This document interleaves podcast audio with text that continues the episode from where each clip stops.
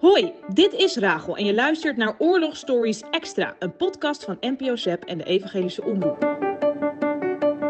Vandaag hoor je het verhaal van de oorlog van Lieneke, 16 jaar uit Amsterdam.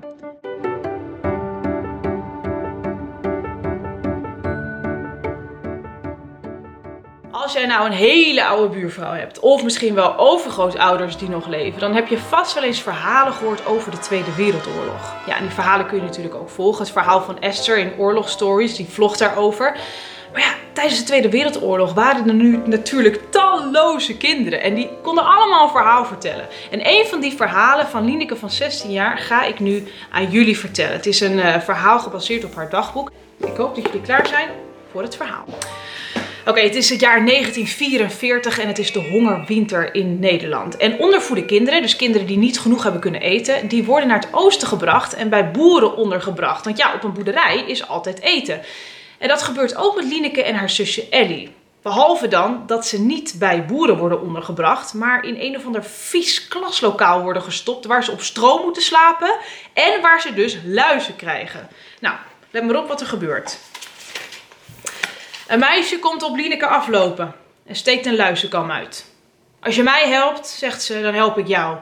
Lineke knikt en het meisje gaat op een stoel zitten terwijl ze met de kam door haar haren gaat.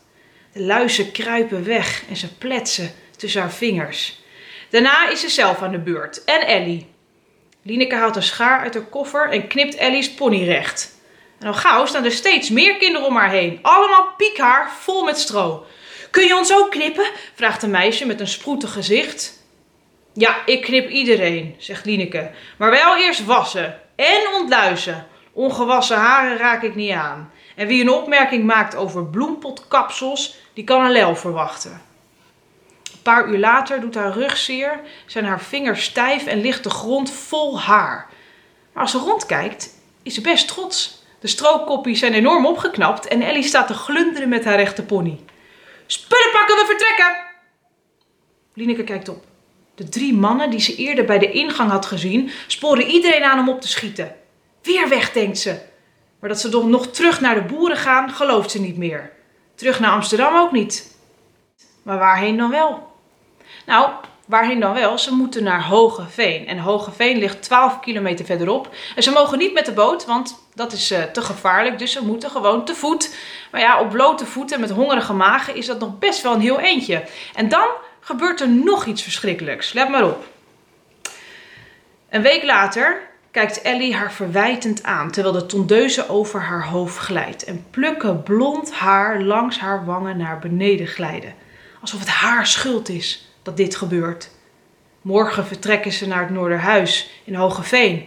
En vandaag worden ze door mensen van het Rode Kruis allemaal gekortwiekt, geschoren en ontsmet.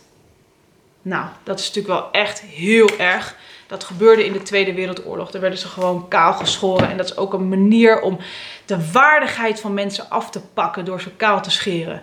Um, ja, een vreselijk verhaal. Um, en dat is natuurlijk een van de zoveel dingen die, uh, die er gebeurden in de Tweede Wereldoorlog. En Esther, die vlogt daarover. Dus haar hele verhaal kan je volgen via uh, Oorlogstories, via het ZEP-account. Dus doe dat vooral. Uh, en ik ben ook benieuwd, als jij nou zo'n vreselijke oorlog moest meemaken, met wie zou je dan denken, nou die zou ik dan sowieso bij me willen houden? Ben ik benieuwd naar.